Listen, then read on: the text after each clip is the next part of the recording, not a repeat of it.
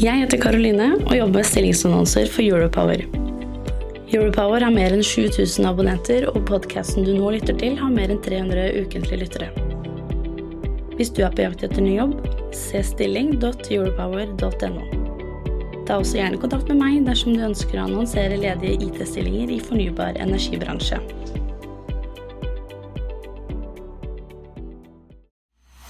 Du lytter til lyden fra en videosending med journalist Magnus Linjære i Europower. Hele sendingen kan du se på europower.no. Hei og velkommen tilbake til Europowers kraftmarkedet på tre minutter. Jeg heter Magnus Linjære, og vi skal se på hva som rører seg i kraftmarkedet akkurat nå. Vi begynner med å se litt på ressurssituasjonen, og begynner med vannmagasinene. Her er også magasinfyllingen sluttet å gå nedover. Nå har det begynt å gå oppover i de aller fleste områdene. Det betyr at eh, snøsmeltingen er i gang, og det skal da bli til tilsig som skal fylle opp eh, magasinene igjen.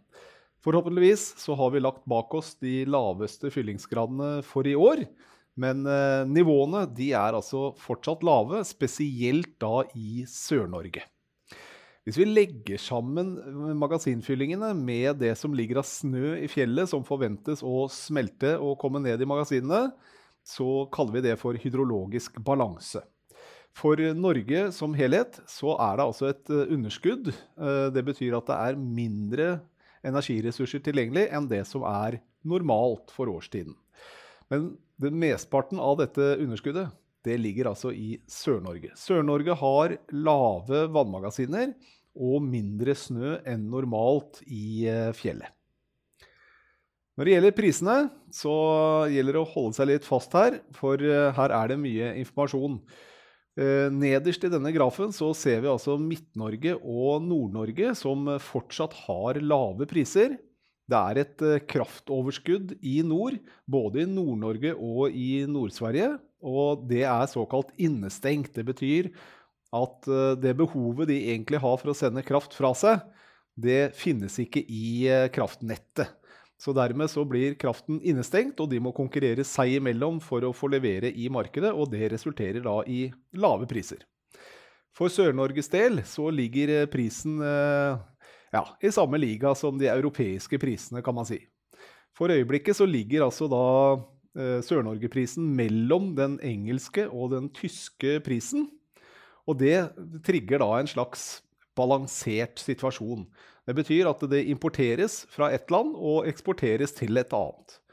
Og i sum så er det faktisk flyt inn i Sør-Norge om dagen.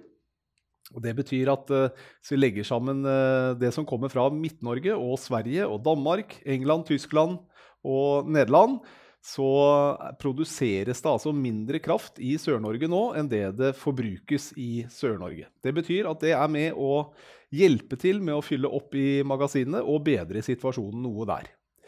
Men det som ikke helt stemmer i dette bildet her, det er terminprisene.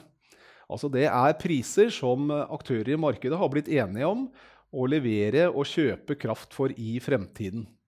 For her er også prisene for Tyskland og Nederland eh, langt, langt høyere enn det prisen for Sør-Norge er.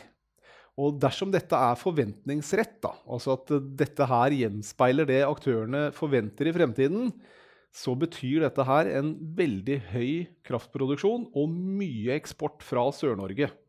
Og det med den ressurssituasjonen som ligger nå, så er det lite sannsynlig. Så aktører Europower har pratet med, de sier at uh, i alle fall at de tyske terminprisene de er feilpriset.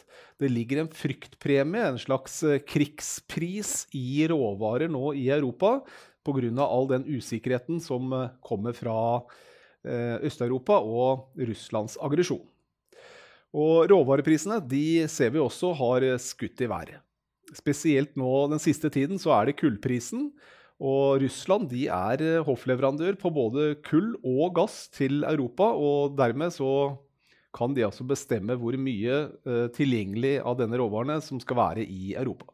CO2-prisen også på vei oppover. En litt annen historie der. Det vi har uh, opplevd nå den siste uken, det er jo at Statnett har endret beredskapsnivået for uh, Sør-Norge. Det har altså gått da fra en normalsituasjon til en stram situasjon nå eh, denne uken. Og det betyr jo at de er bekymret for kraftsituasjonen i, i Sør-Norge, og det henger også sammen med det som skjer i Europa. Nå kommer dette her like etter et møte som NVE kalte inn til nå sist uke, hvor altså krafttoppene i Sør-Norge ble innkalt til møte med NVE for å da redegjøre for situasjonen, og også bli påminnet sitt ansvar for eh, hvilket eh, ja, samfunnsansvar de har for å også kunne levere strøm kommende vinter og sørge for at det er vann i magasinene. Vi har ikke fått noen kommentar fra Statnett på, på dette enda, men eh, følg med i Europower fremover, så skal vi sørge for at du er oppdatert. Takk for oppmerksomheten. Du lytter til lyden fra en videosending med journalist Magnus Linjære i Europower. Hele sendingen kan du se på europower.no. Jeg heter Karoline og jobber med stillingsannonser for Europower. Europower har mer enn 7000 abonnenter, og podkasten du nå lytter til, har mer enn 300 ukentlige lyttere. Hvis du er på jakt etter ny jobb, se stilling.europower.no. Ta også gjerne kontakt med meg dersom du ønsker å annonsere ledige IT-stillinger i fornybar energibransje.